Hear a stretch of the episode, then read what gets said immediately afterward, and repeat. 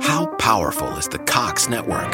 So powerful that one day the internet will let your doctor perform miracles from thousands of miles away, Connecting to remote operating room. giving a whole new meaning to the term house call. Operation complete.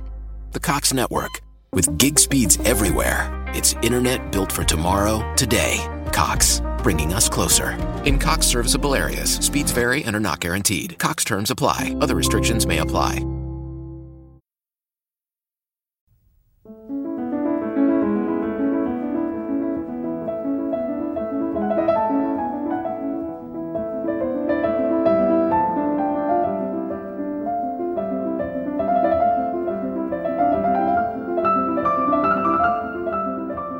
Det är en allmänt erkänd sanning att en ogift man som äger en stor förmögenhet måste vara i behov av en hustru.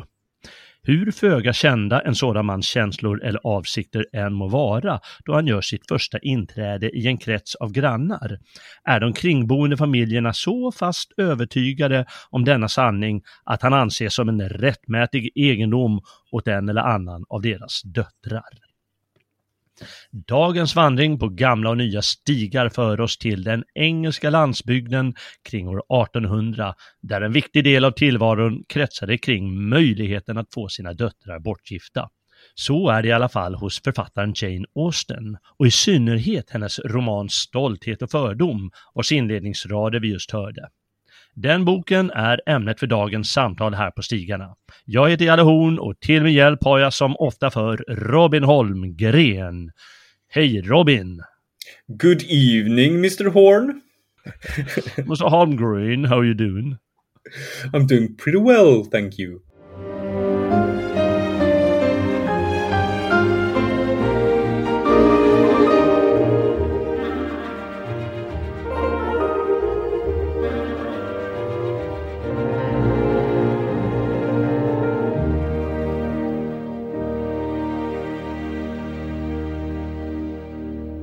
Ja, äntligen får vi en kvinna. Vi har, pratat, vi har längtat efter att få en kvinna.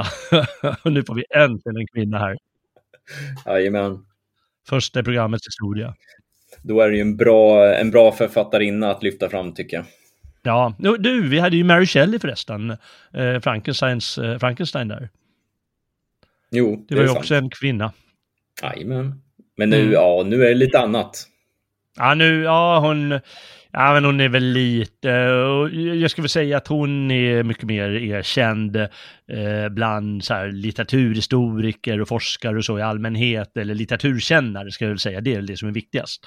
De Mm. som förstår och uppskattar litteratur, så är hon eh, mycket mer erkänd och eh, eh, läst än Mary Shelley. Det ska ju sägas. Mm, och hon är nog bättre får jag säga också. Precis. ja. Det håller jag med om. Ja, eh, vi tar väl i också. Har du hört att jag har fått corona? Ja, vad härligt. Eh, Ölen eller sjukdomen? Eh, ja, nej, ölen är för svag för mig, så, eller för, för vattning, så det är sjuk, jag håller mig till sjukdomen. Ja, taget. Hur mår du? Eh, väldigt mild, eh, milda symptom. Lite feber på natten och eh, så det börjar smyga närma sig lite hosta och snuva och sådär efter eh, en, eh, en dag, en och en halv dag. Ja, jag hör hur döden smyger sig på. Men det är lugnt, eh, kan jag säga till alla som är oroliga för att få det ändå, så verkar det vara ganska lugnt. Vad skönt. Ja, jag, jag, har väl aldrig, jag har väl aldrig låtit så här bra, tror jag. Nej, du har ju också fått något. Ja, jultomten eh, kom med en eh, fin ny mikrofon. Så det får jag Mm. tacka för. Ja, ja. Du, du sa ju att läsarna skulle, lyssnarna skulle swisha in, men jag tror, jag tror inte de gjorde det. Jag har inte hört något i alla fall. Nej, det var ingen som ville ha mig med bra röst. Nej, de var inte det. De ville ha med dålig röst. eh, ja. Men eh, det var någon som, eh, som hörde ditt rop på hjälp. ja, det, kan- det är jag tack, tacksam för. Ja. Varsågod Robin, det var, det var en glädje att ge dig det i julklapp. Tack. Eh, Det var underbart att få det. Ja, härligt att höra. Mhm, då ska vi se här. Ja, nej men som sagt, eh, kring år 1800, eh, då hade vi den här Stolthet och fördom och författaren heter alltså Jane Austen. Och har du läst eh, många böcker av henne? Nej, bara Stolthet och fördom. Mm. Det är inte så många, det är väl en sex romaner man räknar med. Eh, fem riktiga och så en som Ja, vi får se under programmets gång här. Ja. ja, nej men det, den anses så bäst, så det, det passar. Så det ska vi ta, hoppas att det uh, uppskattas. Det är liksom så här lite intetsägande handlingar. Det utspelar sig på landet och andra ba kretsar bara kring uh, ja, om de här kvinnorna ska få, få en, en passande eller en, en man, gärna med lite pengar och som är trevlig och snygg och allt vad det heter. Och så är det inte mm. mer, men det är någon sorts charm i den och de är ganska roliga. Ja, det är ju... Ja, all, tänker du på um, Stolthet och fördom i synnerhet eller tänker du på resterande böcker? Ah, jag tänker nog att det är så i alla. Jag har faktiskt bara läst den här också och så den här övertalning. Eh, sen har jag inte mm. läst eh, de andra, men jag antar att de alla har ungefär någorlunda lika stil. Som jag förstått så är det liksom ganska likna, lika handlingar i dem. Eller temat mm. är ju detsamma. Så mm. det är liksom inte så att eh, oj, här har vi eh, Hamlet eller Faust eller vad som helst, utan det är ganska enkla iscensättningar. Men det är ändå charmigt mm. och, och, och eh, vittert och, och så. Oh ja. Mm. Men innan vi går in på boken i sig då, kan du berätta lite mer om Jane Austen? Ja, lite grann kan vi ta här. Hon blev inte så gammal, blev bara 42 år, eh, föddes 1775 och dog sålunda 1817. Och hon levde ju inget spektakulärt liv eh, som vi skulle se det i alla fall. Hon mm. bodde, alltså bortsett från ett par år i skolan när hon var barn, det vill säga under tio tror jag, då bodde hon hemma hela livet. Och det var antingen hos mamma och pappa eller hos släktingar och så vidare. Mm. Och eh, det närmaste hon, kan, hon fick det ladda till lite eh, i livet utanför den privata sfären så att säga. I familjesfären. Det var när hon avslog en förlovning. och då var det någon som eh, tydligen frågade om hon ville gifta sig och då svarade hon ja, men insåg efter en dags betänketid att om jag gör det så ja då måste jag skjuta mig. Kanske var värre förr i tiden, men tänk att ett, ett opassande eh, familjeliv, eller partnerliv, mm. ja, det blir, ja, det kunde tydligen vara döden på den tiden i alla fall. Kan säkert fortfarande vara, men det kanske var extra svårt för en kvinna på den tiden att ha en man som, om man är lite intelligent och har en man som är lite dumbom. Jo, förvisso. Vi, vi, vi kan mm. återkoppla till det för att jag har faktiskt ett stycke som jag vill läsa upp sen som ja, behandlar just ja. det. Ja. Istället ägnar hon sig främst åt skriverier större delen av, eh, eller stora delar av livet. Eh, och eh, hon skrev så här mellan 1700, jag tror det var 14 år då hon skrev en roman som hette Vänskap och kärlek, borde den heta på svenska. Eh, men mm. jag tror aldrig den blev färdig eller något sånt där. Eh, jag vet att den har filmatiserats och då har de bara skrivit dit ett eget slut eller något sånt. Mm. Men den, den, den anses väl, det är inte så mycket att ha. Men de skrev en bok som heter Northanger Abbey och den här Förnuft och känsla och Stolthet och fördom. Jag tror att det är de. De skrev hon där när hon var runt 20 år. Mm. Och sen så tror jag det var Stolthet och fördom, den blev refuserad när hennes pappa skickade in den. Och den här refusering be behöver inte betyda att de tyckte att den var dålig, utan det kan vara ekonomiska skäl, ofta var det det. Mm. Att de tänkte, ah, men det här blir ingen förtjänst eller aha, de liksom begär lite för lite av familjen eller vill att, eller att författaren ska liksom stå för en del av kalaset så det funkar inte. och sen så eh, kom, gick åren och efter ungefär 1811 då redigerade hon sina böcker hon skrivit eh, och så lyckades hon publicera dem. Mm. Och då skrev hon även en som heter Mansfield Park och Emma. Hon hade en, en hel del opublicerat material, eh, men det gavs inte ut då. Och de gavs ut alla de här, blev liksom inte supersuccé, men de, eh, de sålde liksom Eh, hyggligt uppskattade. Och hon, eh, hon, som de flesta på den tiden, eh, så skrev hon inte ut sitt författarnamn. By a mm. lady. Så fick det heta. Och det har ju, tror ju många, det är för att hon är kvinna eller så, men du kommer ihåg att vi hade en, ett avsnitt om Ivanhoe? Jajamän. Ja, och Walter Scott, han skrev också ut under pseudonym. Jajamän. Ja, så det här var ju helt vanligt eh, hos jättemånga författare. Vissa, vissa män, de hittade på ett kvinnligt namn för de visste att eh, kvinnor säljer. Jaha, Ja. vad spännande. Och eh, så det var full kalabalik på vad man kallar sig på den tiden. Men eh, sen, eh, sen dog hon ju då 1817 och då, då kom den här Northanger, eh, Northanger Abbey och övertalning, de, de gavs ut postumt eh, av systern Cassandra. Mm. Och eh, ja, själv hade hon inte någon så här jättestor uppfattning om, om sig själv som författare, men eh, ja, det, det är omöjligt att säga vad hon egentligen tyckte. Men med tiden fick de ju klassikerstatus, eh, böckerna, inte minst då den vi tar upp som brukar anses vara den mest populära och eh, antagligen bästa.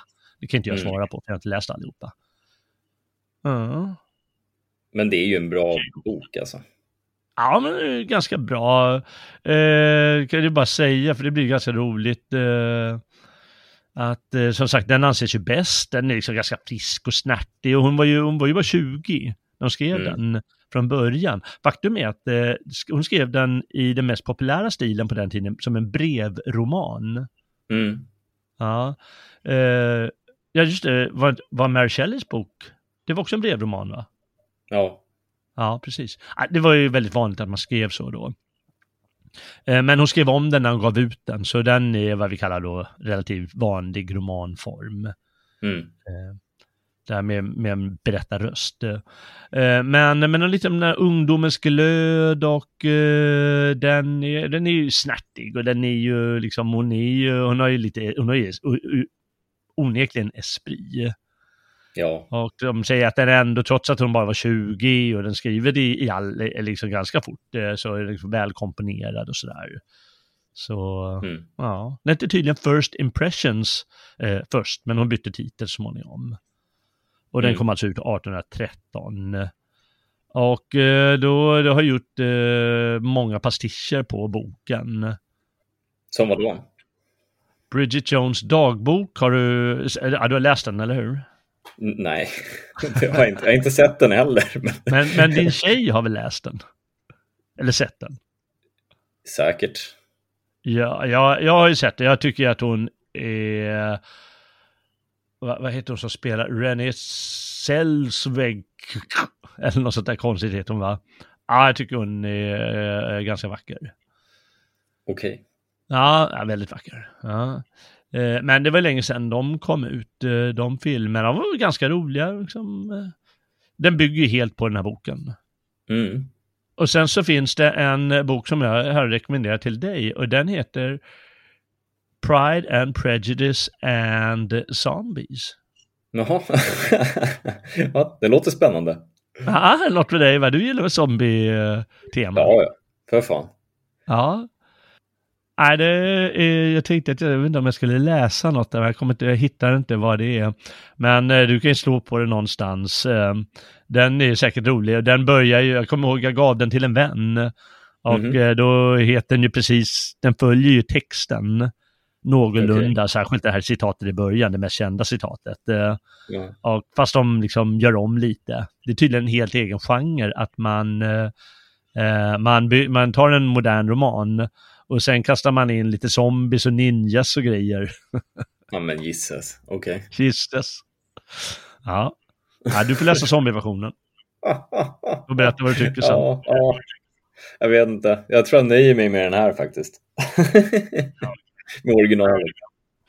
Eh, alla hennes böcker, de handlar ju som vi sa om, de utspelar sig på den engelska landsbygden i eh, någon sorts övre medelklass eh, och adelsklass. Inte de allra högsta lorderna, men det verkar som de har ganska stora och fina slott, Mm, de som är rika i böckerna. Verkligen. Ja, och det handlar ju uteslutande om att eh, kvinnor ska hinna, hitta lämpliga eh, män. Gärna med pengar och eh, eh, liksom att de är, har lite moraliskt anseende och eh, är eh, redliga på något sätt.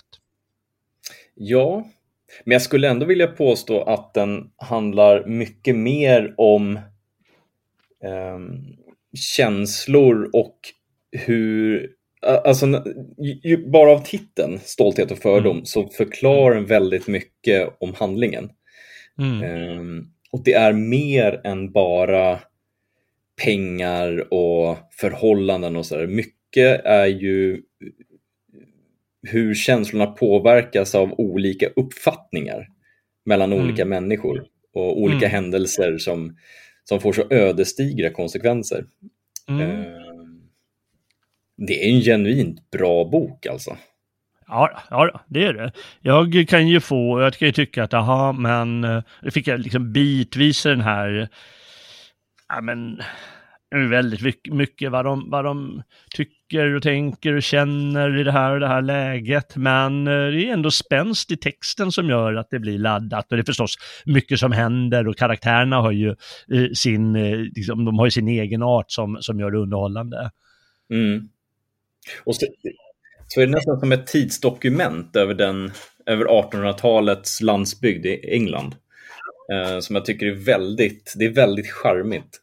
Ja, det är det. Det är, det. det är många som säger att det är väldigt begränsat. Eh, det mm -hmm. är liksom, hon beskriver inte saker som de gjorde 50 år senare. Nej. i böcker. Utan det är ganska eh, lågmält med bilder eller liksom vad, vad man ser. Men jag tycker ändå man får en bra känsla. Sen vet inte jag om det beror på filmerna eller filmatiseringarna eller tv-serierna man sett. Eh, eller om det beror på vad hon själv skriver. Men jag tycker man får en bra känsla av det. Mm. Det tycker jag verkligen. Och det är som du säger, hur, hur, hur man umgicks på något sätt där eh, på landsbygden. Ja.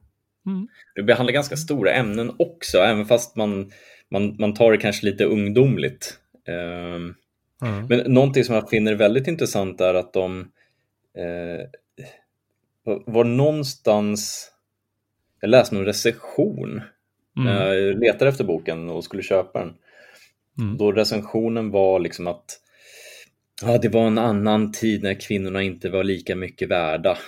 Ja. Och så liksom läser man den här boken och bara, mm, Fast jag tolkar det precis tvärtom. Ja. Om något så visar den här eh, romanen dels hur kvinnor funkar, eh, vilket är lite skrämmande. Eh, men det visar ju framförallt på liksom, styrkan i dygd och eh, eh, hur hur farligt det är när kvinnor går sin egen väg bort från eh, ett, en dygdnorm kan man säga. Mm. Eh, mm. Jag tänker främst på hennes lilla syster då. Eh, mm, som verkligen går all in galning. Ja. Så man kan dra väldigt intressanta paralleller till dagens eh, samhällsklimat. Ja, kan man göra. Jag bara säga två saker. För det första är det helt som du säger att eh, vad fick de det där ifrån? Att aha, hur svårt kvinnor hade det på den tiden. Ja, det där är ju, det, det, är, det är en mycket, inte medveten, men en, en viljestyrd felsyn. Ja, verkligen. För så det var ingen som skrev så för eh, hundra år sedan. Ingen skulle få för sig att skriva något sånt. För Nej. att det är banalt och tråkigt att skriva så ytterst banalt ja. och tråkigt. Uh, därför skulle ingen skriva det. Och för det andra, för, uh, att uh, även om givetvis män hade andra fördelar som inte kvinnor hade, så blir, blir det ändå fel som säger, för som det syns här i så, så har de kvinnorna i boken sin, sin givetvis sina begränsningar, men också sin vilja och sin syn på saken och sitt förnuft och allt vad det är. Mm. Så det blir bara löjligt att komma med sån där eh, quasi-feministisk, eh, jag vet inte vad. det är bara trams alltihop. Och det är ju överhuvudtaget lite av en, ett problem med eh, kvinnliga författare.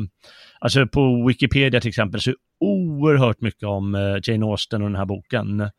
Mm. Och det är att de fyller det med allt de kan komma på och så, bara för att, eh, ja men det är en kvinna, nu vill visa att hon är bäst i världen ja. ungefär det här mindervärdskomplexet liksom. Ja, men någon form av, ja, det blir lite för mycket på något sätt. Efter ett tag blir det lite tråkigt. Eh, det är bättre mm. att eh, skriva lite mer kärnfullt och lite mindre. Ja, det som jag tycker är så roligt. Ja, men kör. Förlåt, vad sa du? Nej, jag tycker bara det är så, så intressant eftersom det, det framkommer så starka kvinnor i romanen. Ja, det gör ju det. Ja.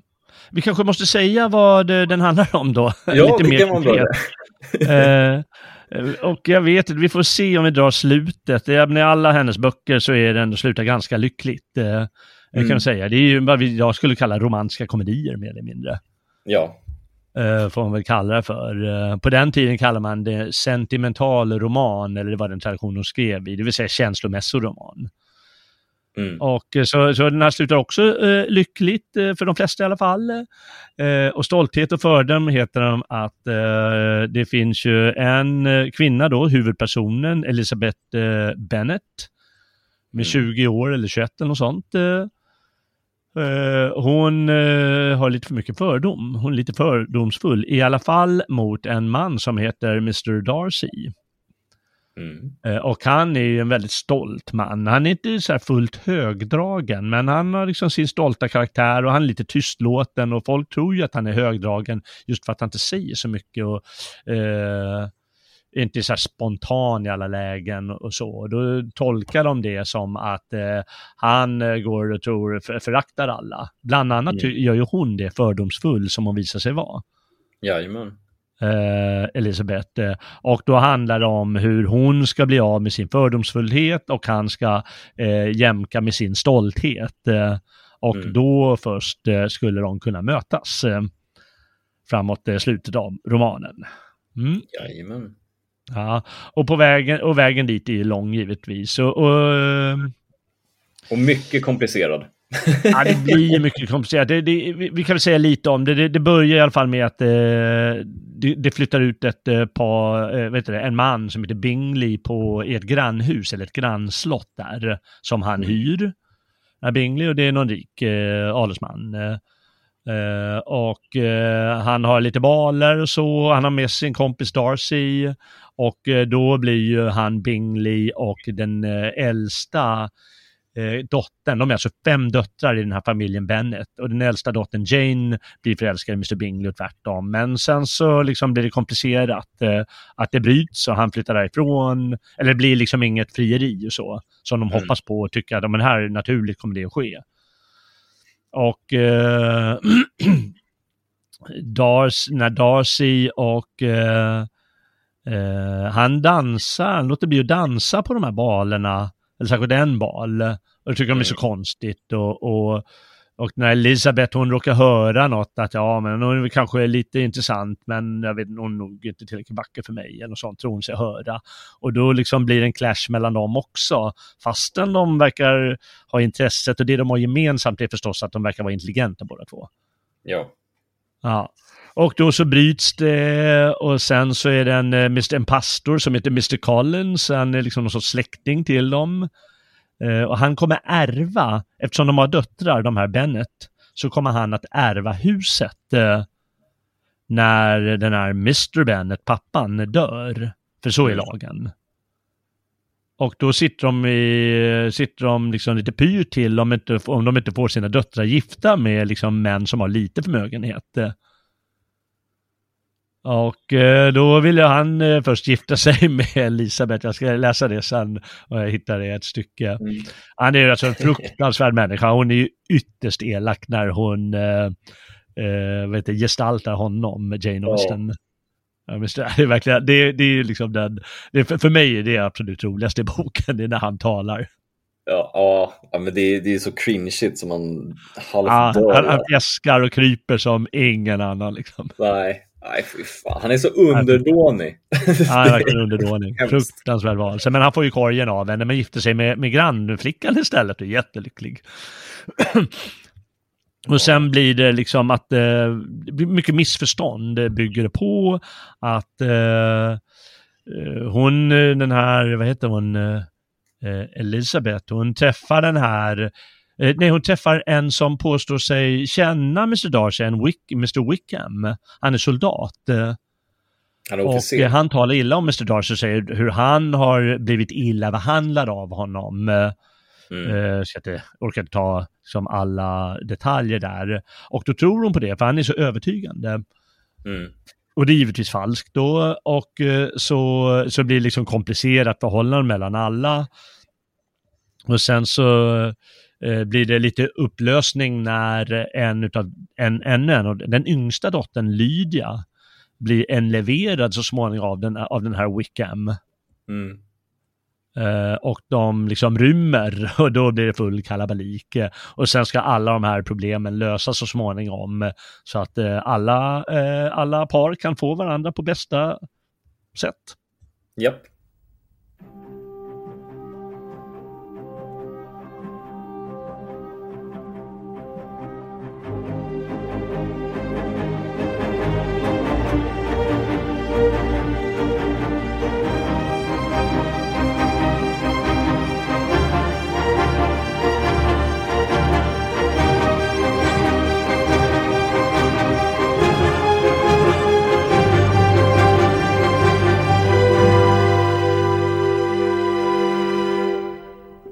Och eh, det är ju liksom både, både roligt och eh, eh, stimulerande tycker jag mest att, att följa med i turerna.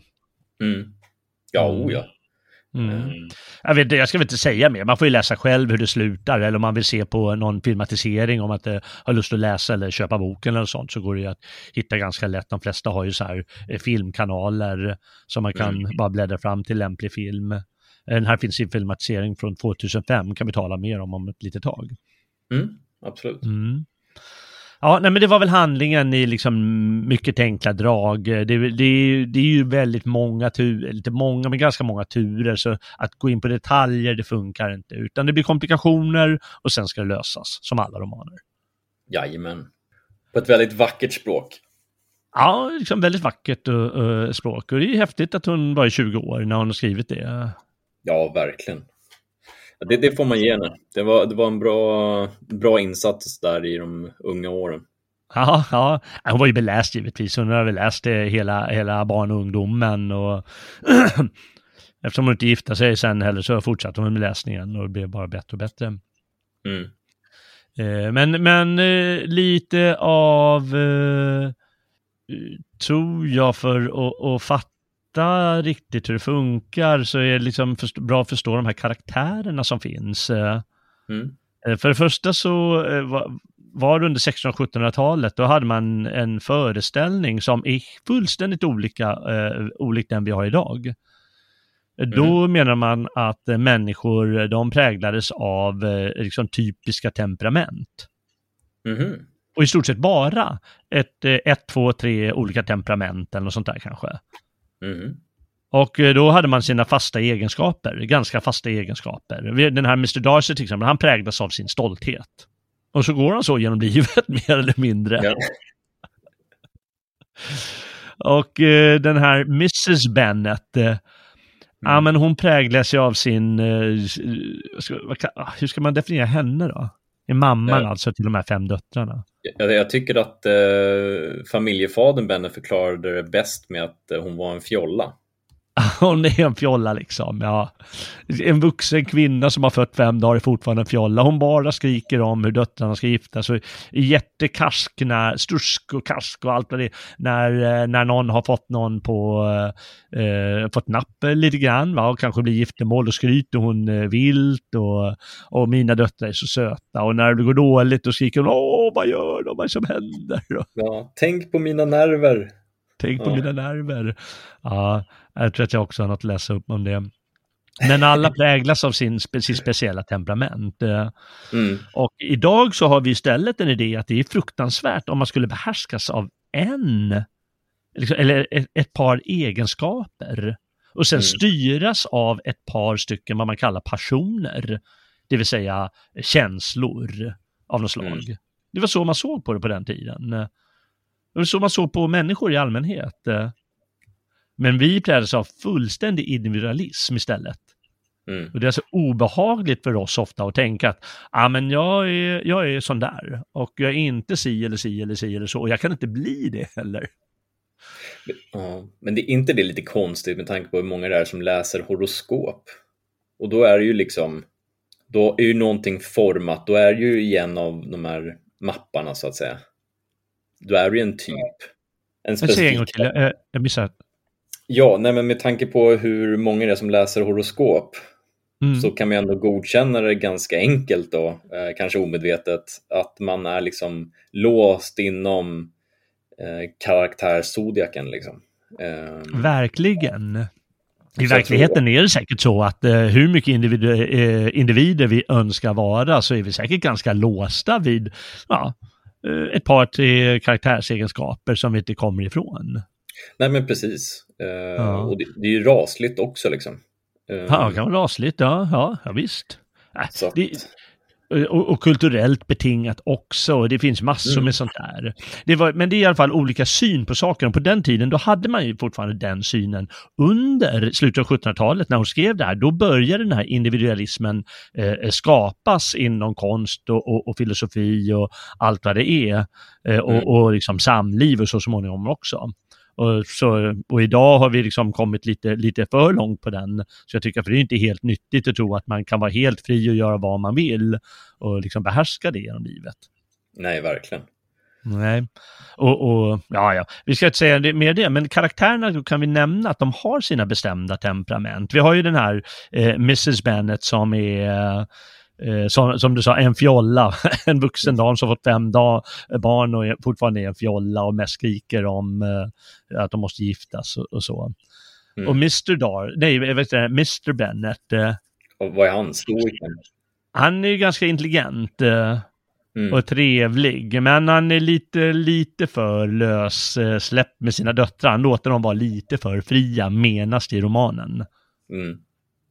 Ja, kan man tycka vad man vill om det. Han, han, han drar sig mest tillbaka till sitt bibliotek. Ja, han, han gav upp lite grann. Men, men det, det får också sin förklaring i, i boken att eh, kärleken till hans eh, fjolliga fru kanske liksom, den avtog lite med tiden när han tröttnade på fjolligheten. Ja, och då har han ju hittat hur han ska lösa livspusslet ändå. Jajamän. Är han tillbaka till sitt bibliotek. Böcker och ensamhet. ja, lite sådär. Ja, men han är en trevlig figur och uh, han, han, han har ju några dräpande kommentarer, särskilt när hans fru är på tal. ja. Det är faktiskt roligt. Och Mr Darcy sa vi, han präglas lite för mycket av sin, eh, sin stolthet och, och sitt eh, nästan behov av att vara egentligen att, eh, att göra rätt i, i situationerna. Mm. Och eh, inte ge sig i kast med sånt han inte, ja, det här med dans på bal till exempel, ja men jag tycker inte det är så häftigt och då ska han inte göra det bara för sakens skull. Nej. Utan han är lite för stolt för allt det där. Men, eh, men det tolkas ju ofta som att han är lite högdragen. Och han är väl nästan mm. lite högdragen ibland. Ja, det tycker jag. Lite, lite överstolt. Ja. Men det, men det hör ju nästan till med, med hans eh, ansenliga förmögenhet också. Ja, precis. Han är väldigt rik då. Han är god för 10 000 pund om året, eller vad står det? Ja. ja, han, i drömda. De är ju relativt, de har, de har ju väl ställt eh, de här Bennet, de, de dör ju inte av fattigdom, men det är ändå så att det är, det är döttrar va? och de behöver giftas eh, helst med någon som har lite pengar. Mm. Eh, men, men vi har, eh, för, förresten, vi har ju den här Jane, det är lite svårt, jo hon är väldigt godtrogen. Just ja. det. Hon präglas av godtrogenhet, den äldsta dottern. Elisabeth, hon präglas av sin intelligens, kanske man ska säga. Mm. Och sen så är det en dotter som mest helst drar sig undan. Och sen är de två yngsta döttrarna och de är, de är fjollor som sin mor. Japp. Så har du ju Wickham, han, han är ju också stolt, fast det är lite mer oförtjänt. Ja, vem då sa du? Eh, Wickham, Mr Wickham. Ja, ah, just det, finns den här Mr Wickham, ja precis. Och han, han är ju uppenbarligen sån som, eh, eh, vad kallar man sån för? Nästan en bedragare. Mm. Han är också stolt och sådär. Ja, han är klart stolt, fast på ett negativt sätt. Va? Han säger Mr Darcys skuggbild. Mm. Och de är något sorts, eh, eh, vad ska jag säga, han, han, har alltid varit en del av familjen. Familjen Darcy, den här Wickham. Men sen mm. blev det en brytning när eh, Darcys pappa dog. Och då blev, så, sen, sen dess har han följt ett, eh, liksom, ett dåligt liv. Mm. Men onekligen stolt som säger, det är sant.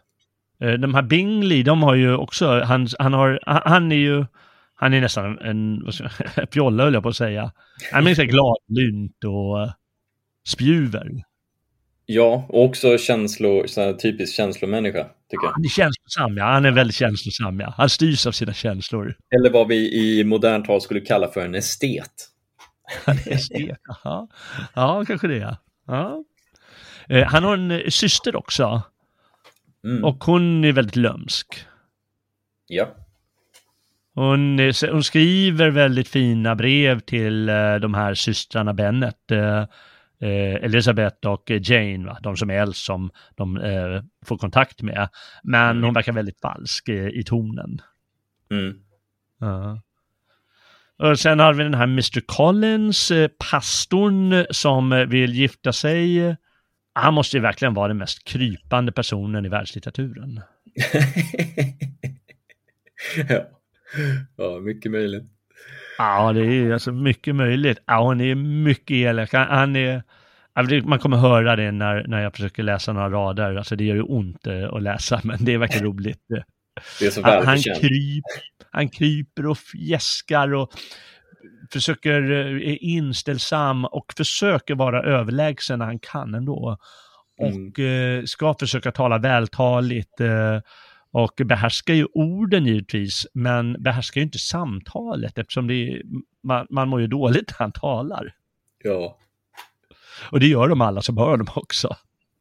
Jag tycker det är så roligt när, de, eh, när Elisabeth åker hem till, till eh, Mr Collins eh, mm. när de tittar på hans möbler. Ja. Han beskriver att ah, den här spiskransen kostade så här mycket och fönstren ja. kostade så här mycket. Jaha. Ja. ja, men det är det enda som han kan inte tänka på. Är den vacker? Alltså är den vacker, alltså så konstnärligt sett, är, den, är den vacker liksom? Är den funktionsduglig? Det handlar bara om att han ska visa sig högsta dagar. Ja. Just då. Ja, en mycket obehaglig typ på det sättet. Han är förstås relativt uh, oskyldig får man säga, men liksom man mår ju dåligt när man uppleva honom. Men han har sin speciella karaktär. Och den här Lady de Burg, det är någon sorts faster eller moster till den här Darcy. Mm, och hon, hon är en sån uh, lady. Alltså mm. hon är adelskvinna uh, av ett högre slag. Hon är stolt. Hon är väldigt stolt. Hon är verkligen högdragen till och med. Mm. Uh, och närmast fraktfull inför alla som inte uh, lyder det hon säger. Mm. Hon, när hon talar till alla som åtminstone är under henne, då, då tar hon för givet att de bara ska göra det hon säger. Ja. Och bäst är förstås att den här Mr. Collins som är pastor i hennes, eh, på hennes ägor, att han, han är ytterst underdånig mot henne då. Ja, Ja, det är roligt. Och sen så finns det några karaktärer till, men eh, eh de, de kan vi lämna där här. Men man, nu får man ett grepp om vad det, är för, vad det är för figurer vi har att göra med och hur, hur viktigt det är att eh, eller inte hur viktigt, men hur, att, eh, ja, som hon arbetar, Jane Austen, i alla fall visa fram dem i, i deras, vad ska jag säga, med deras speciella temperament. Alltså, får jag läsa upp lite om eh, den här uh, högdragna kvinnan? Ja, kan du inte göra det? Ja. När Lady Catherine och hennes dotter hade spelat så länge att de var belåtna togs borden bort och vagnen beordrades köra fram för Mrs Collins och hennes sällskap. Alla samlades därpå kring brasan för att höra Lady Catherine förutsäga vädret dagen därpå. Efter många tacksägelser från Mr Collins sida och många, många bugningar av Sir William gav sig gästerna iväg. alltså den mentala bilden av att den här högdragna kärringen står framför, framför brasan och pratar om hur vädret ska bli nästa dag. mm, ja. som, som om hon, hon dikterar, det här kommer vara vädret, för att jag säger det. Ja. Det är så jäkla bra. det är så roligt. Ja, det, det, det, Nej, det är sant. Jag tycker, också, jag tycker det är så roligt. Det, vad är det för människa? Det mer, ja. För oss framställs det helt meningslös. Ja, verkligen. Oh ja. Men, men på den tiden då, det var ju bara så, ah, om du befann dig i samhällets topp, då, då kan man inte bara tycka att någon är meningslös. Mm. Ja. Men, men det är ju speciellt med huvudpersonen Elisabeth, att hon vågar vara självständig mot den här Lady de Burg. Oh ja. Det är lite bög. Och eh, det, det, det gör hon ju med bravur. Det får man säga. Hon är väldigt stånd, ja. ståndaktig. Ja, faktiskt. Jag måste ju ta min favorit, den här Collins. Mm. Han beskrivs liksom ganska snart när han gjort entré. En lycklig slump hade förvärvat honom Lady Catherine de Burghs ynnest då Huntsfords pastorat var ledigt och den respekt han kände för hennes höga börd och hans vördnad för henne som sin kvinnliga överhöghet i förening med en mycket hög tanke om sig själv, om sin myndighet som präst och sina rättigheter som kyrkoherde gjorde hans karaktär till en blandning av stolthet och kryperi, självbelåtenhet och ödmjukhet. Mm. Ja, och sen så kommer det här att han, eh, han kommer hem till eh, de här, vad heter det, eh, familjen Bennett. Mm. Och eh, då har den här Lady Burg eh, berättar, han eh, har ju sagt att han, han, ska gif han borde gifta sig. Mm. Ja. ja, då åker han ju dit och tänker, ja men åker dit, de ska ju vara ganska vackra de där döttrarna. Och så försöker han göra, äh, säga lite så här, den här Jane, äh, äldsta dottern, hon verkar väldigt söt och trevlig. Äh, och då säger mamman fort att, ja, ja men vad, vad snackar du om? Hon, hon är nästan förlovad med en annan. Åh, en adelsman, han har 5000 om året. Jaha, just det, ja, ja, ja. Mm. Och i samma ögonblick då förskjuts tankarna till nästa dotter, Elisabeth. Ja. Det är så jäkla roligt. Uh, och då måste jag bara läsa bara några när han försöker uh, fria till henne. Han tar ju mm. bara för givet att hon ska svara ja. Ja. Uh, för han tror ju så sagt att han är, ja han, han står ju under den här Lady de Burgs beskydd. Han är högst i världen på sitt sätt. Tro mig, kära Miss Elizabeth, er blygsamhet är ett plus till era övriga fullkomligheter. Ni skulle ha varit mindre dyrkansvärd i mina ögon om inte den där lilla ovilligheten hade varit med. Men tillåt mig försäkra att jag har er högt aktade moders tillåtelse att till er framföra min anhållan. Ni kan knappast tvivla på innebörden av min framställning, hur mycket än er naturliga finkänslighet kan locka er till förställning. Min uppmärksamhet mot er har varit alltför tydlig för att ni ska kunna missförstå den. Den här uppmärksamheten, han vill ju ha stora systern ju. Mm. Nästan från första ögonblicket jag gjorde mitt inträde i detta hus utsåg jag er till min ledsagarinna genom livet. Men innan jag låter mig hänföras av mina känslor, jo, jo, torde det kanske vara lämpligt att framlägga de skäl jag har att ingå äktenskap och just komma till äh, Hertfordshire för att välja mig en brud, vilket jag verkligen har gjort. Åh, oh, det är så bra. Och sen så går han in och säger för det första och för det andra och för det tredje. Jag ska inte gå igenom det för det är... Jo, men första måste du gå igenom ju. Okay. Det är det bästa, skäl... det första han säger. Mina skäl att ingå äktenskap är för det första att enligt min mening varje präst i goda omständigheter, som jag, föregår församlingsmedlemmarna med gott exempel genom att gifta sig. Ja, och andra? Andra, för det andra är jag övertygad om att det i mycket hög grad kommer att bidra till min lycka. För det tredje, vilket jag kanske borde ha nämnt för, har jag särskilt blivit uppmanad därtill av den ädla fru som jag har äran att kalla min kvinnliga överordnade. var, men var, var, var, tog den där Elisabeth vägen? Fanns inte med där. var inte med i hans uppräkning. Men sen måste man ta någonting på nästa sida också. Innan hon eh, blir helt förtvivlad och bara springer ut därifrån. Elisabeth. Jag vet eh, mycket väl, svarade Mr. Collins med en avmätt rörelse med handen och det här är ett par sidor fram. Eh, att det är vanligt att unga damer säger nej till en man då han först framför sitt frieri och att deras avslag ibland upprepas en andra eller till och med en tredje gång. Detta fast de i hemlighet är villiga att säga ja. Jag låter mig därför för ingen del avskräckas av ett avslag utan hoppas inom kort få föra er till altaret. Alltså håller han på där och hon, hon bara sliter sitt hår den här stackars flickan. Mm. För hon är ju hon är så långt ifrån eh, en krypande människa man kan komma. Hon är ju ganska självständig. Och de har ju fått eh, den självständigheten från familjefaren. Ja som faktiskt låter dem eh, leva ett ganska fritt liv och, och vara självständiga. Ja.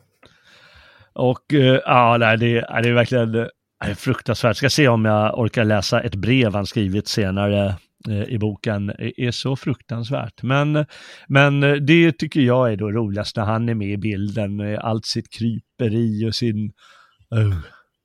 Ja, det är hemskt alltså. Och, och, det är ju en viktig del av boken, eh, den här eh, Jane Austens eh, förmåga att eh, vara, som vi brukar kalla kvick, eh, eller mm. att ha esprit. Alltså med, med dräpande små kvickheter visa fram eh, karaktärerna. Ja. Uh, och det, det, det, var ju en, det var ju en stil som var väldigt populär på, på 1700-talet och, och början av 1800-talet. Uh, framförallt då på 1700-talet. Uh, och det är ju, det är ju, jag tycker det är väldigt humoristiskt och det ger ju den här ironiska känslan. Ja. så, ofta, alltså, det, det blir ju inte sockersött då. Nej, alltså boken i sig är ju inte särskilt sockersöt tycker jag. Eh, den är romantisk, absolut, men, men mm. framförallt det, det man inte förväntar sig det är att den faktiskt ska vara så pass rolig. Det, det tyckte jag var en av de största behållningarna av boken var att den, den var liksom genuint rolig på mm. ganska många, många platser. I Ja, så, ja, precis. Att, inte hela tiden givetvis, men, nej, men på flera ställen som du säger. Det är fortfarande en hel del, som sagt, romantik och Eh, och, och, och sånt då, men alltså, ja. du, du, kan ju skratta högt liksom. Ja, du kan verkligen skratta högt eh, eller slita ditt hår eller, eller vad du vill liksom. Ja, och sen, och sen eh, en annan sak är ju också att den är spännande på det sättet att om man inte har sett de här filmerna till exempel, mm.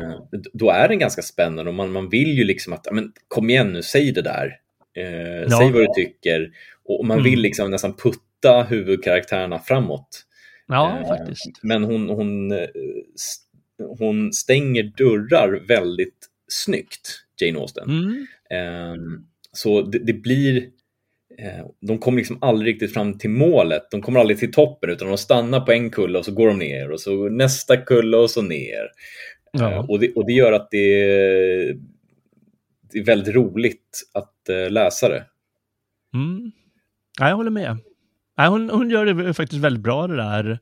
Att hon, eh, som du säger, laddar upp det och sen så går det stöpet lite och så laddas det upp igen och så går det lite, mm. som du säger, en backe nerför igen eller uppför snarare. Och så, så håller på då till, till, inte det bittra slutet, utan Nej. Eh, till slutet. Eh, ja, det fanns ju flera sorters böcker som, som den här sentimentala romanen, bland annat, det fanns ju snyftare. Ofta mm. var det moraliska snyftare. Eh, det här är ju också en moralisk bok eh, som du påpekar och vi kommer komma in lite mer på det snart. Eh, men det är inte en sån moralisk snyftare utan den är lite mer kvick och eh, som du säger lite rolig. Den har sin humor som hela mm. tiden balanserar upp så att det inte blir en, en snyftare. Mm.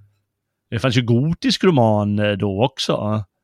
Mary Shelleys bok är en gotisk roman egentligen. Ja, precis. Eh, mm. Frankenstein. Eh, eh, och det var ju också liksom en känslomässig, alltså skräckkänslor är ju känslor, också starka känslor.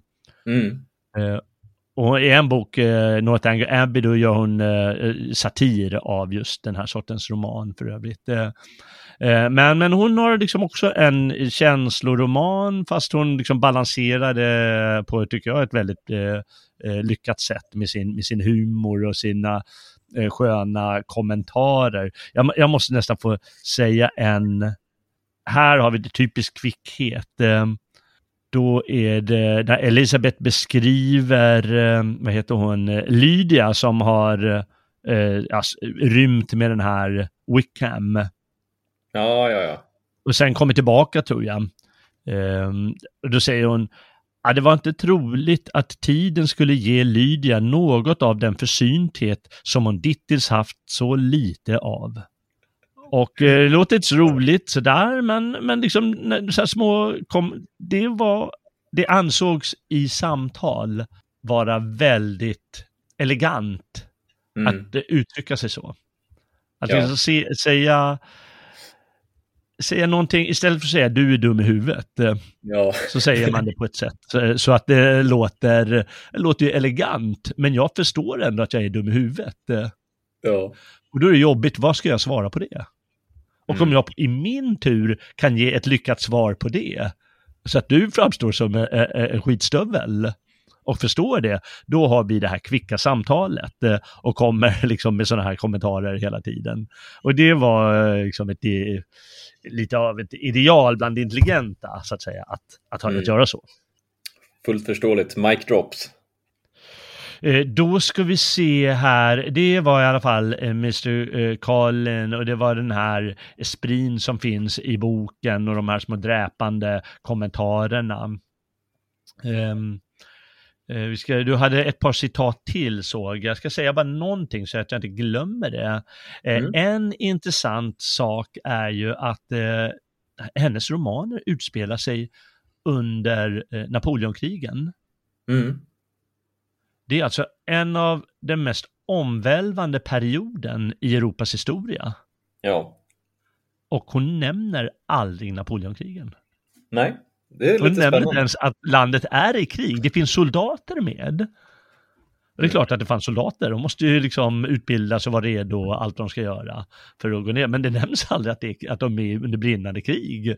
Att det är ju liksom ett allvarligt läge. Nej, nej det är inte intressant. Nej, men jag, jag, jag tror att det är, jag, jag, tror att det, det, har sin anledning i att det skulle ju eh, det, det, tar ju bort en del av, av lysten som hon vill framställa ja. med den engelska landsbygden. Ja. Eh, det blir en helt annan grej om hon börjar lägga märke till liksom, lemlästade soldater som rullas runt på kärror. Liksom. Mm. Eh, så att eh, jag, jag, tror det är, det är medvetet. Ja, nej, men det är sant du säger. Det är ju smart av henne. Eh, smart är också, alltså ur estetisk synvinkel, är ju att eh, det blir ju inte att, eh, det är liksom ingen som är perfekt av personerna. Nej.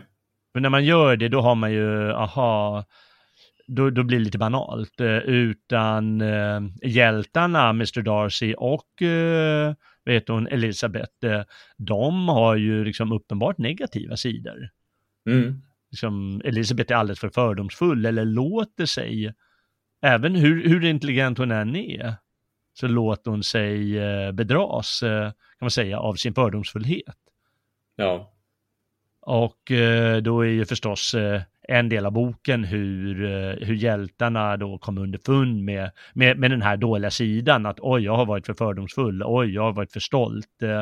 Mm. Att, och i just deras fall måste de jämka på det. Ja, men det, det gör det, så he det hela som mänskligt. Ja, men det gör det ju mänskligare och det, det gör ju framförallt till bättre konst, tycker jag.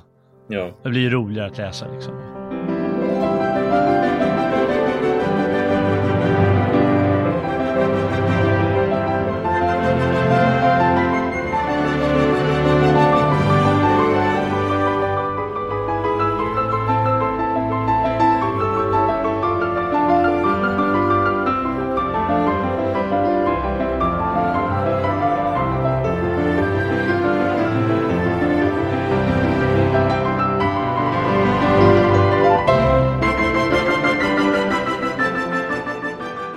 Nu ska vi se, du hade ett par sköna ställen till eh, du eh, hade. Ja, nu blir det lite moral här vet du. Ja, ja, det ska ju sägas att det är en moralisk bok, men låt, låt, låt höra innan vi tar, tar tur med moralen i det hela. Ja, eh, det är då Elizabeth och Mr Wickham som eh, mm. pratar om Mr Darcy. Mm. Efter några minuters eftertanke fortsatte hon emellertid. Jag kommer verkligen ihåg att han en dag på Netherfield berömde sig av sitt oförsonliga sinnelag. Hans lynne måtte vara förfärligt. Jag kan inte uttala mig om det, svarade Wickham. Jag har svårt att vara rättvis mot honom. Um, varför valde jag det här stycket? Jo, mm. för att jag tycker det är så himla häftigt att en person som visar sig vara ett as lite senare mm. eh, kan säga så att när han ogillar en annan människa, mm. eh, som de båda två vet vem det är, så, han, så vill han inte uttala det hemska om Mr Darcy eftersom han har svårt att vara rättvis mot honom. Ja, just det. Jag, jag tycker det, det är så jäkla fint. Ja. Att bara, nej, men jag, jag liksom, han och jag kommer inte bra överens, men ja, jag, jag vill liksom inte uttala mig om hans negativa sidor. Nej, det är sant det där. Det var... att vara plump. Mm. Och säga, ah men han bedrog mig. Det bar väl emot på den tiden. Ja. Eh, att säga något dåligt om människor. Mm. Jag, jag, tycker det är jätte, jag tycker det är genuint fint och mm. det där är ju någonting som jag tror vi alla kan eh, ta åt oss utav. Eh, det tror jag verkligen. Någon form av, eh, man behöver inte ens vara storsint, utan det är viktigt att man i förväg bara inte håller på med sånt. Mm. Det är förstås målet med alla de här personerna, att, eh, att de, eller idealet, är att vara, ska säga, någon sorts moralisk fast. Ja. Och det betyder ju motsatsen till att vara plump och det är motsatsen till att vara, låta sig bara svepas iväg av någonting och, och utan att man ska kunna liksom ha lite moralisk stadga och eh, visa på annat sätt om man tycker att någon är usel eller så. Mm. Mm. Ja, det är, det är fint. Mm. Du kanske har någon annan grej. Jag att du skrivit där vanära. Jag kommer också ihåg att jag eh, hade stycke om det. Nu vet inte jag om vi har samma, si, samma bok här. Jag ska inte gå i nummerordning här menar du? Ja, och, och gör det du. Eh, alltså, du kan ju inte be mig frångå mitt schema. Nej, just det. Nej, då, då går det peppan. Det har du berättat förut. Ja. här har ju stått, eller jag sitter och förbereder boken. Just det, det det här uppslaget. Ja, nu får du allt hänga med, Jalle. Ja. Eh, nu är det jag som bestämmer. Eh, just det. Eh, det här är ett samtal mellan Elizabeth och Charlotte som är gift med mm. Mr Collins. Lady Catherine är verkligen en mycket älskvärd och klok dam. En verkligt förtjusande granne, tillade Charlotte. Alldeles riktigt, kära du. Det är just vad jag säger, bekräftade Mr Collins. Hon är en kvinna som man inte nog kan beundra. Bara det där är ju konstigt att säga till sin fru. Ja. Aftonen tillbraktes mest med att tala om gemensamma bekanta i Hertfordshire. När man skilts åt kunde Elisabeth i ensamheten på sitt rum tänka över Charlottes lycka, den skicklighet varmed hon ledde sin man och den fördragsamhet hon hade med honom och hon måste erkänna att Charlotte skötte sig mycket bra. Och det här är så häftigt för det här visar hur ett vanligt förhållande faktiskt ser ut. Ja. Eh, det är att eh, alla, inklusive mannen, litar på att kvinnan ska styra honom, men att han fattar besluten. Aha, eh, ja, ja, okej. Du, ja, du ser det rent av så. Mm. Ja, ja, eh, ja vem vet? Ja, men det, det är jag helt övertygad om. Det. Okay, eh, för det, det är det här som är, det här räddar det här med de här överenskommelserna om giftermål exempelvis. Mm. Då handlar det i, i, i, stort om att man ska göra varandra bättre, men framförallt så handlar det om att kvinnan eh, som i, kanske inte har lika mycket att säga till om alla gånger, även fast det, mm. i den här boken så har de alltid det, eh, så får hon helt enkelt forma mannen som hon gifter sig med. Så mm. att den mannen motsvarar hennes önskan. Eller snarare ja. hennes förhoppningar om att han kan bli liksom den bästa versionen av sig själv. Mm. Eh, och, och det, det, tycker jag är någonting som alla kvinnor som lyssnar på den här podden ska ta åt sig av. Att ja. det är det här som mannen vill. Ja, det är som mannen vill, ja. Eh, ja, ja, men det... Alla män vill ju att kvinnan ska göra dig bättre. Ah, det. Eh, och det, det, blir alltid så att om, om kvinnan inte kräver av sin man eller uppmuntrar sin man att försvara henne och familjen och äran, mm. ja, då kanske inte mannen ser det, ser det behovet att han måste uppfylla det. Samma mm. sak med, med resurser. Eh, om en kvinna kan liksom uppmana sin man att eh, anstränga sig mer för att antingen mm. få in resurser eller eh, bli starkare eller modigare eller eh, motsvarande. Ja, då, alltså, då blir det ett sämre förhållande. Um, så att jag, jag, tycker det här var väldigt, en väldigt träffande, träffande avsnitt. Ja, okej, okay, ja. Skälet till att jag eh, var, var, lite inte tveksam, men, men någonting där, jag minns det här stället också och det är, det är förstås, alltså, man, hennes man, det är ju den här Mr. Collins. Ja. Och eh, jag tror Elisabeth, hon, hon säger väldigt, eh, och återigen så här lite kvickt, hur hon sköter det här med bravur. Ja. Så att säga, hur hon leder sin man. Samtidigt som hon då eh, intalar sig själv till att bli lycklig. För hon är helt övertygad att hon är eh, ytterst olycklig, eller kommer bli det. Ja, ja. Med en sån fruktansvärd varelse. Men hur det ändå lyfter sig och, och styr sin man inom vissa frågor på ett, eh, ja, på ett lyckat sätt, eh, än så länge. Mm. Jajamän. Ja, nej, men det är, det, det, det, är faktiskt många grejer mellan kvinna och man här som är intressanta i boken. Det, det får man ändå säga. Och där är ju mm. en sida av det. Nu är det din tur. Ja, det är min tur, ja precis. Det är min tur. Jag skulle säga någonting om det här, återigen ett lite eh, kvickt ställe. Uh, och det är när de, jag tror att det är Jane och Elizabeth som talar om Wickham och Darcy och då börjar hon komma till insikt här, eh, Elisabeth. När hon mm. har insett hur saker och ting lite mer ligger till. det är bara drygt halvvägs in i boken, men då säger hon i alla fall, och ändå trodde jag mig vara ovanligt förståndig när jag utan särskild anledning fattade en så avgjord motvilja för honom, sade Elisabeth. Det är så befriande att hysa en sådan motvilja. Man kan hålla på och klandra utan att säga något rättvist, men man kan inte ofta förlöjliga en man utan att då och då hitta på något kvickt. Och då tycker jag det är så intressant att uh, hon, hon trodde att hon var förståndig. Mm. Och att hon, uh, uh, som hade en sån motvilja mot honom.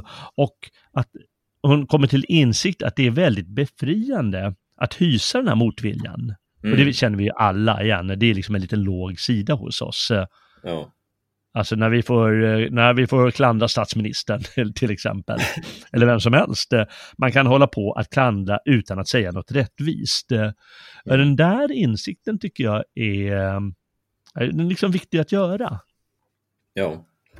Och det inser hon då, hon har ju inte klandrat, ja lite, men, men jämfört med vad vi kan klandra idag, eller eh, låt oss säga det här klandret som vi hör mot ovaccinerade i våra dagar till exempel. Ja. Det är ju helt fruktansvärt. Eh, ja. Och hur det liksom bara pushas av tidningar och alltihop. Mm. Och eh, intressant, det är befriande med en sån. Och då säger hon lite längre ner, eh, men det var en ganska naturlig följd av mina fördomar. Mm. Ja, det är bra Elisabeth, kommit till insikt. Jajamän. Mm. Ja, ja, nu hade du någonting också. Yes. Uh, det här är ju i...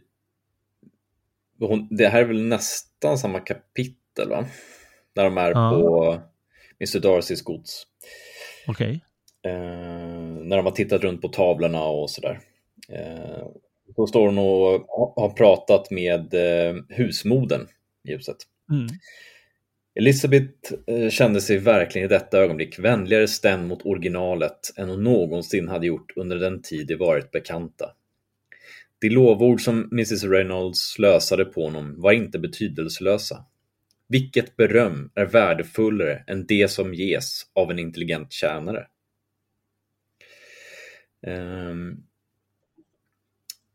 hon tänkte på hur många människors lycka berodde av honom som bror, godsägare och husbonde. Hur mycket glädje och sorg, hur mycket gott eller ont det stod i hans makt att bereda andra. Varje omdöme av husföreståndarinnan vittnade fördelaktigt om hans karaktär och då hon stod framför den duk på vilken han var avbildad och från vilken han fäste sina ögon på henne tänkte hon på hans blick med en djupare känsla av tacksamhet än den någonsin förut hade väckt hos henne och mindes hur varm den var. Eh, och det där tycker jag är väldigt spännande för att jag tycker det visar Eftersom det här är som en, en stillbild in i 1800-talets början mm. så, så, tycker jag det, det, det, är en väldigt fin bild som målas upp här. Eh, ja. man alltid, vad kan vara mer värdefullt än, än berömmet av en intelligent tjänare? Det, det visar ja, ju inte alls på den här äh, torra stoltheten som man lätt mm. tror. Alltså att så fort man hade en tjänare så behandlar man dem dåligt och så vidare. Ja, eh, så att... Eh, mm. Och, hon är inte, den här tjänarinnan är ju inte krypande eller lismande eller sånt heller, utan hon säger Nej. liksom bara spontant vad hon, vad hon upplevt. Ja, men precis. Och du har ju skrivit klassföraktet här, frågetecken. Ja, för det, för det, det är ju liksom, eh, hur, hur, många gånger har vi inte hört att nej, men man alltid, de rika alltid behandlat de dåliga som, eller de eh, fattigare som skit. Ja. Och dylikt. Alltså all socialism som man har fått liksom istoppad. Eh, jag, jag, jag tycker bara, bara den meningen visar ju att okej, okay, fast i en populär roman på 1800-talets början så ansågs det här vara rimligt. Mm. Ja, verkligen. Att... Och man kan ju läsa, när man läser eh, så här analyser eller så, jaha, står det om tematiken i eh, Stolthet och fördom och det står om klasser. Mm. Att hon eh, visar upp problemet med, med, med klasser, men, men du har ju visat på motsatsen här. Ja. Och faktum är att eh, alla romanerna, jag menar, de tillhör ju eh, någon, någon, form av medelklass, eh, skulle jag säga, eh, de här mm. Bennets. Eh, att vi, vi befinner oss faktiskt i en värld där gamla, ganska åtskilda eh, eh, eh, eh, ett samhälle som det var förr, där klasserna var mer åtskilda. Man umgicks liksom inte med vem som helst. Men nu kunde den här övre medelklassen, de kunde ju umgås ganska naturligt med de här adelsmännen. Mm. Så man ska faktiskt vara mycket försiktigare med att komma med, med sådana fördomsfulla uttalanden. Jag håller med fullständigt där. Bra frågetecken. Ja. ja. Då går vi över på kvinnor när de är elaka. Ja, det är alltid eh, viktigt att höra. Eh, det här är alltså Miss Bingley eh, mm. som eh, talar om Elizabeth. För att eh, mm. Miss Bingley är ju förälskad i Mr Darcy. Så ja, just det. Just. Och hon det var hon som var lite falsk av sig, eller hur? Ja, precis. Mm. Ehm, för min del, invänder Miss Bingley, måste erkänna att jag aldrig har kunnat se någon skönhet hos henne.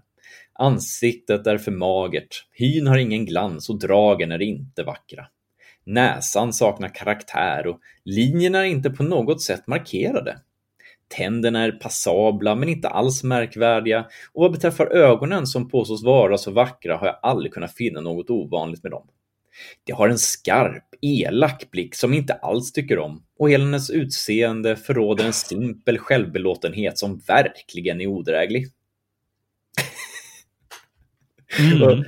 Uh, mina fördomar säger att det är precis så här kvinnor talar om andra kvinnor. ja, ja. Okay, ja, det är sant. Okay. Vem, vem säger hon det till? Jag kommer inte ihåg. Till Mr Darcy. Hon säger det till Mr Darcy, okej, okay, ja. ja. Jag tycker vad som är intressant när du läser upp det, för tänkte jag inte på när, jag tror inte det, när jag, när jag läste det, och mm. det var att eh, så skulle inte en som har eh, den här lite mer esprit, så skulle inte den säga. Nej. Elisabeth skulle aldrig säga så om en annan människas utseende på det sättet. Eh, Nej, verkligen. Lite så här direkt på, eh, lite för eh, eh bitskt, utan skulle säga det med mer finess. Ja, ja verkligen. Och då får det ibland mer effekt också. Ja, och nu fick du ju inte riktigt den effekten som hon ville när Miss Bingley. Han blir väl, eh, bara, vad snackar om, säger han med den här Darcy då. Vad sa du? Då säger, den här Darcy, om jag minns rätt, han svarar just att, eh, nej men vad snackar du om? Jag tycker visst att hon eh, har sköna drag eller något sånt. Ja, absolut. Och då påpekar hon att eh, Elisabeth är väldigt eh, solbränd, nästan svart. Ja. Alltså som att det är någonting negativt. Eh, ja, precis. Då, ja, hon har varit ute i parken så det är inte så konstigt att hon får sol på sig. Mm. Precis. Det här är kul.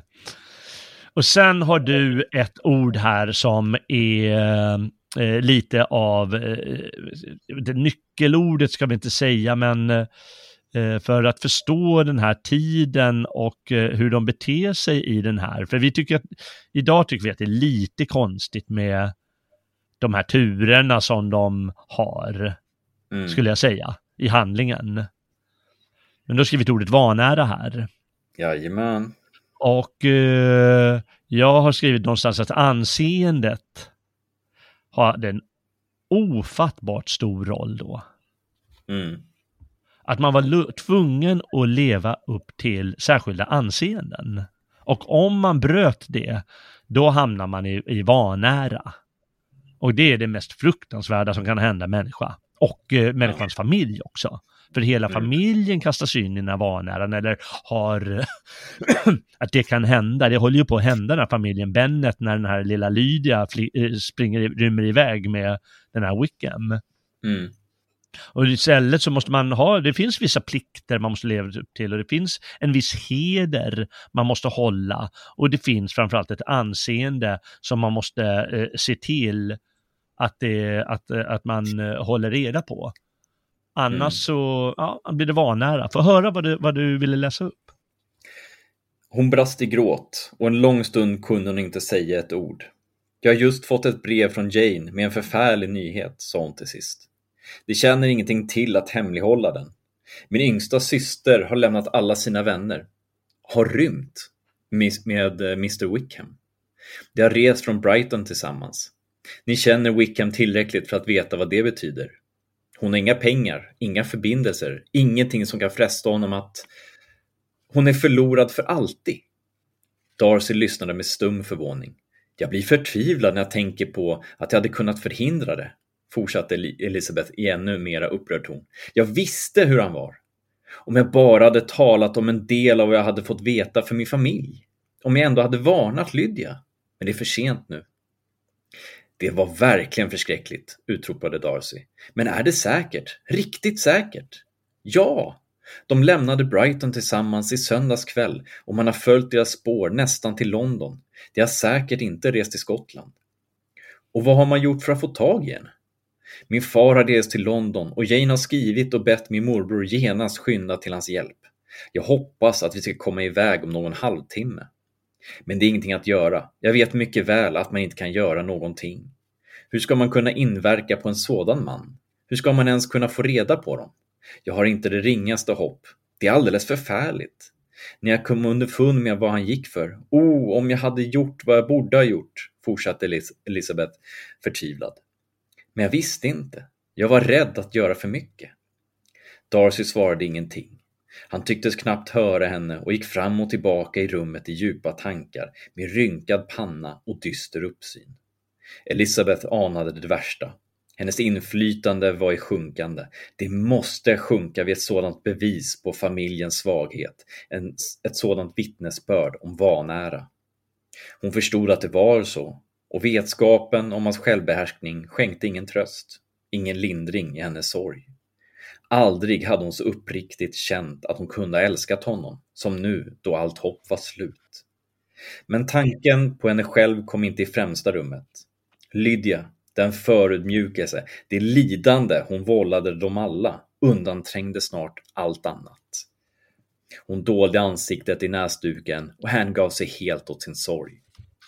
Först efter flera minuters tystnad väcktes hon till medvetande om situationen av Mr Darcys röst. Ni har säkert länge velat att jag skulle avlägsna mig och jag har ingenting annat att anföra som ursäkt för att jag stannat än mitt uppriktiga fast gagnlösa deltagande. Gud give att jag kunde göra eller säga något som kunde skänka er tröst i er smärta. Jag är rädd att denna olycksaliga affär hindrar min syster från att få se er på Pemberley idag. Ja, Uh, var så snäll och framför vår ursäkt till Miss Darcy. Säg att vi genast måste bege oss hem. Förtig den sorgliga sanningen så länge som möjligt. Jag vet att det inte kan bli länge. Han försäkrade henne om sin tystlåtenhet, uttryckte åter sitt djupa deltagande i hennes sorg, önskade en lyckligare utgång av saken än man för närvarande kunde hoppas och avlägsnade sig med en lång, allvarlig avskedsblick. Då han hade gått fick Elizabeth en känsla av att deras samvaro aldrig mer skulle bli så hjärtlig som här i Derbyshire. Hon tänkte tillbaka på deras bekantskap som var så full av motsatser och växlingar och suckade över att hon hade låtit sina känslor ledas på villospår. Att det nu tycktes för alltid vara slut mellan henne och Darcy var ett första exempel på vad Lydias vanära måste medföra, både för henne och familjen i övrigt. Mm. Eh, och där är alltså resultatet av att en 15-årig tös springer iväg med en officer. Mm. Ja, just det. Men de är ju så stiliga. Ja, de är ju det. Mm. Framförallt när man är i Brighton. Det är väldigt vackert. Ja, verkligen. Ja. Långa stränder, vet du. Ja, men det är bara att det, det blir lätt, eh, det, det är någonting vi inte riktigt heller förstår idag, men det, man, det är bara att läsa de här eh, det som, har, det som har hänt nu senaste, som man kan läsa i tidningarna de senaste 20 åren eh, mm. i invandrarfamiljer. Där de mördar, mördar dottern eller liknande grejer. Mm. Det har ju med vanära att göra. Ja. Och eh, för att förstå vad de menar här, då måste man, eh, då måste man studera dem. För mm. vi fattar inte det annars. Eh, för vi tror nämligen att det spelar ingen roll, man kan göra vad man vill. Mm. För de är ju kära. Precis. Så säger vi bara. Mm. Men det var ju uppenbarligen inte så då. Att då riskerade, som du sa, hela familjen att hamna i, i vanära. Ja. Nej, alltså, det, det jag tänker är så att det går inte så långt som att de liksom tappar Lydia nerför en balkong. Utan eh, det, det, handlar ju helt och hållet om det här, det här kalla konstaterandet. Att hon har mm. låtit sina liksom, mest primitiva drifter få ta överhanden. Eller ja, av bägge, ja, både Mr Wickham och, och Lydia. Då. Ja, precis. Jo, de, det har de gjort, ja. Mm. Så det de försöker rädda det med är helt enkelt att få dem gifta. För då blir det lite mer okej. Okay. Men det är fortfarande liksom ja, en skamfläck i, i deras eh, släkt, släkthistoria. Ja. Um. Och, eh, och på tal om att det här eh, tappa från balkong, att den här Colin, du ska läsa hans obehagliga brev, eh, men han skriver ju i brevet att det bästa hade, varit dött, bästa hade varit om er dotter hade dött. Mm. Det hade varit det bästa. Men nu ska ni skjuta henne ifrån er istället. Det är, det är min syn på saken. Eh, ja. För han, eh, han kan ju bara, han kan inte fatta att det här går att ordna upp, utan han kan ju bara känna de här, ja, som någon som släpper sin dotter från balkong eller liknande. Ja. Uh, han kan ju bara känna att det här, det, det, det är en vanär, han kan bara tänka, lite svårt att säga, vanäran som ett absolut ideal eller motideal. Då. Mm. Men det skapar problem i alla fall. Och mm. det är ju någonting man ska lära sig genom uppfostran till exempel, bland annat. Och, och det som är intressant i det här sammanhanget det är ju också att eh, i och med att det smittar av sig på familjen så sänker mm. ryktet för alla i familjen. Jo, jo, ja. Så det här blir ja. ju någonting som liksom får definiera deras, deras eh, familjekonstellation. Liksom. Eh, ja, ja. Och, och, då blir det lite som, jag, jag, tror inte människor gör det idag. Att de, de när, de titt, när de hittar någon som de vill ha som partner eh, mm. så tittar de inte på syskonen, de tittar inte på föräldrarna och ställer sig frågan, mm. är det här det jag vill gifta in mig i? Ja, faktiskt. Eh, och jag, jag, tror i ärlighetens namn att eh, det är en vettig idé att faktiskt tänka den tanken. Ja, jag tror att vi borde börja göra det lite mer. Ja. Det, Nej, det är så. Det är, bara, det är bara för var och en att granska sig själv. Var, var det alltid lyckat det jag och, och då min familj gjorde? Mm. Och då kanske man inser att, ja, och skälet till att det inte blev helt lyckat, ja, det var ju för att vi bara lät, eh, lät oss ryckas med. Som du uttrycker det. Jag tycker det kan vara ganska vackert med den där B-ryckningen, men eh, det, det kan ju få liksom, ah, lite dåliga konsekvenser. Så ska vi säga. Och det såg man i synnerhet på den tiden, att då var man ju hård med sådana konsekvenser. Ja. anseendets roll, eh, det var viktigt då och eh, det kanske är dags att vi får tillbaka lite av det. Eh, lite förståelse för det och att vi även får lite hårdare klassskikt. För det är ofta det som behövs för att för att det ska komma till stånd sådana eh, moraliska egenheter. Ja, men det tror jag. Men, men det är så svårt att upprätthålla ett sånt eh, klassamhälle, för det finns ju liksom inte idag. Arbetarna idag tjänar ju mer än de flesta. Liksom. Ja, ja, precis. Ja. ja, men det är ju så. Ja, det är jätte, jättebesvärligt det där. Det är, jag säger som alla, det är ju Palmes fel alltihop. Ja. ja, men han, han, eh, han eh, slog, eh, han såg till han skulle göra slut på klassamhället genom att sätta dit lärarna. Ja, ja det... det gjorde han också. Ja, det gjorde han. Innan Palmes tid, då var ju läraren liksom lite upphöjd på sitt sätt. Mm. Eller universitetspersonal också, kan förstå. Men vem bryr sig om en professor idag liksom? Ja, nu är så ingångsvärdena för att komma in på lärarlinje är ju inte höga alltså. Nej, nej, nej precis. Det, eller för det är förstås en, en lärare. Vem bryr sig om en lärare idag? Och det är väldigt sorgligt, för det betyder att du tar ifrån en grupp människor ett krav som, och ideal som de har att leva upp till. Ja. Nämligen en, en viss eh, konversationsförmåga, en verbalitet, eh, en, en bildningsgrad och så, mm. och så vidare, som givetvis är en behållning för hela samhället. Men ja. när du säger att Nej, men nu ska vi ta bort allt det, för det är bara, det, det upprättar klasser och dåliga saker. Ja, då kan det bara gå åt peppan också. Visste han väl Palme, väl därför han gjorde så. Men, men det måste man ändå ge sossarna att de har ju lyckats. Ja, vad lyckats, det har de verkligen. Alltså, de, har ju, de har ju liksom förintat klasserna. Ja, om man säger så. ja det har de ju. Så nu, jo, det kan både rik, i vilket fall som helst. Ja, men både rik som fattig, alla är belånade. Uh, ja. Ingen är fri. Så att, Just det. Uh, alla de där klasserna, de har ju liksom raderats bort och så har man importerat en, en ny en, liksom bidragsklass bara. Det, det är ju mm. bara det man har gjort. Uh, ja. Så att egentligen, alltså det kan ju inte finnas något klassförakt, utan det, det, spelar liksom ingen roll. Du kan inte, om du inte är sån där snuskigt rik företagare eller liksom sånt där, alltså, mm. så går det ju inte att bli rik i det här landet för du blir så jäkla hårt beskattad när du når ja, liksom det blir, över. Går går det givetvis. Det, det, finns ju många miljonärer i landet. Eh, jag, jag känner flera stycken faktiskt som jo, har men de, all, de, blir över. De allra flesta är ju miljonärer redan om man ser till deras eh, liksom, fastighets innehav. Mm. Uh, jag menar en, en skruttig tvåa idag i Stockholm kan ju gå loss för tre miljoner liksom. Så att, ja, just det. Uh, ja. det jag, jag, tror det spelar liksom mindre roll. Uh, mm. Utan eh, då kommer de här mindre identifieringarna in. Liksom vad, man har sitt paddellag eller man har sina, alltså saker är mer kopplade till, till intressen än mm. eh, social status, tror jag. Mm. Eller jag, mm. jag, har i alla fall en, en, eh, en fördom om att eh, typ youtubers uh, umgås med andra youtubers. Att det blir ja, den där liksom, den inskränkta lilla bubblan bara överallt. Mm. Istället för att mötas lite brett.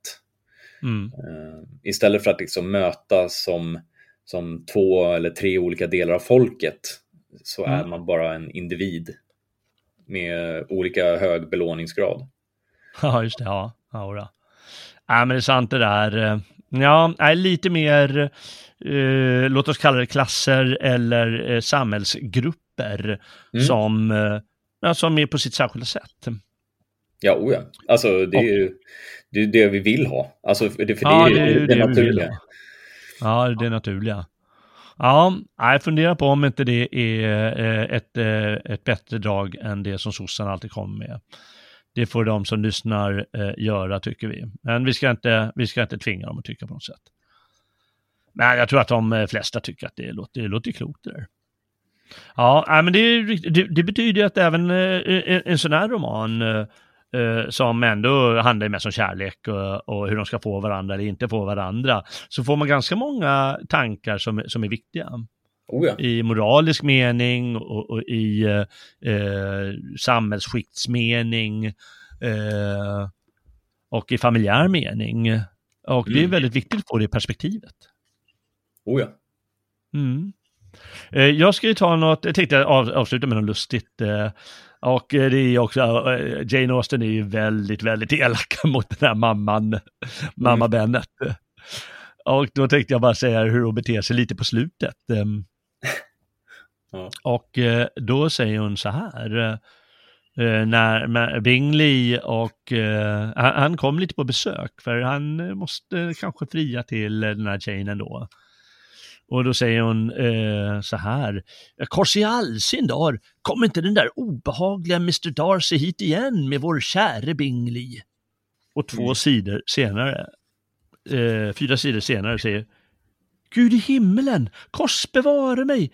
Tänk bara, kära hjärtanes Mr Darcy! Vem skulle ha trott det?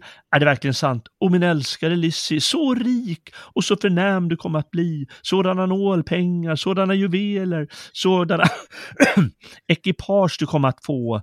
Vad Jane får är ingenting, ingenting alls mot det. Jag är så glad, så lycklig, en så förtjusande man, så vacker, så ståtlig. Och käraste Lissy, förlåt mig att jag tyckt så illa om honom förut. Jag hoppas att han inte kommer att bli ond på mig. Och kära, kära Lissy, ett hus i London, allt som är fint och dyrbart, tre döttrar gifta, 10 000 om året, store gud. Hur ska jag stå ut med detta? Jag blir alldeles konfys. Det var nog för att visa att hon gav sitt samtycke och Elisabeth som var glad över att endast hon själv fick höra utgjutelserna gick snart. Men hon hade inte varit tre minuter i sitt rum förrän modern kom efter henne.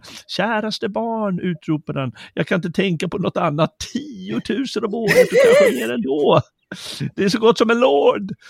Och särskild tillåtelse av biskopen ska du ha. Du måste och ska bli vigd med särskilt tillstånd. Men söta du, tala om för mig vilken, eh, vilken Mr Darcys älsklingsrätt är så jag kan bjuda honom på den imorgon. Ja.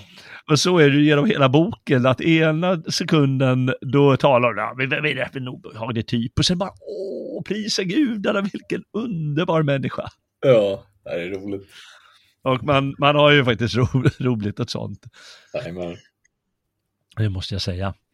Ja, vi kanske ska avsluta när det är som roligast. Ja, det blev en långkör idag också.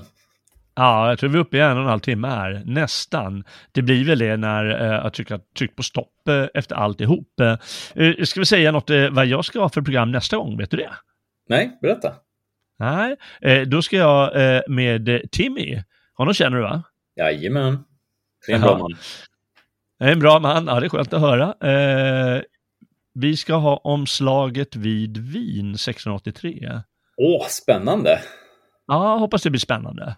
Ska ni prata om croissanten då? Ursäkta, jag hörde inte. Croissanten, halvmånen. Ja, det ska vi göra. Mm. Mm. Och eh, ja, får se. Jag har inte läst in eh, mig helt på det, men en del i alla fall. Jag håller på fortfarande. Det är väldigt spännande, eh, avgörande får man kanske säga också på många sätt. Eh, ja, verkligen. Ja. Det ser jag fram emot och, att lyssna på. Ja, hoppas det. Jag hoppas det blir bra. Eh, och har vi något framför oss? Ja, det har vi. Vi har väl typ 2000 böcker att gå igenom. Eh, och eh, lite smått och gott. Vi talade ja. lite löst om germanerna, va? Ja, det gjorde vi. Ja. Jag ska försöka ha eh, fler avsnitt om, eh, som jag kallar germanska äventyr. Mm. Det blir mm. spännande. Och eh, vi tänkte ha ett då om, ja, får se när vi har tid och spela in det. Men mm. det ska också bli väldigt roligt. Ja. Ja. Jaha, ja då får vi väl helt enkelt eh, avsluta den här sändningen, eller hur? Ja, tack Jalle. Det här har varit en fantastisk afton där du verkligen har bjudit till åt våra vackra och underbara lyssnare. Och jag skulle vilja höja ett glas portvin till din ära och för din elegans i eh, dessa mörka och lite dystra tider när vi vandrar genom eh, de lite konstiga skogarna på våra lysande stigar. Ah. Okej, okay. den gick inte hem. ja, jag, han, jag försökte gå och hämta portvinet. Stort ja. Eh, för den där deklam deklamationen. Eh. Jag ska säga att eh, mitt portvin är slut, för den gick åt när min mormor bakade sin engelska julkaka. Ah, oj, den var måste varit god. Det var den bästa julkakan hittills. Fantastiskt. Ja. Så vi kom överens om att jag ska faktiskt få ärva hennes kokbok så att jag kan hålla hennes minne vid liv varje jul genom att baka den engelska julkakan. Ja, vad underbart. Ja. ja, det måste jag få smaka på någon gång. Det ska du få. Ja, och tack, tack för de där härliga orden. Det är skönt att höra, höra sånt. Det ska jag lyssna om och om och om igen. Ja. ja, gör det. Det är inte alls konstigt. Ja. Och tack givetvis att eh, du var med i eh, dagens eh, sändning, Robin. Tack själv.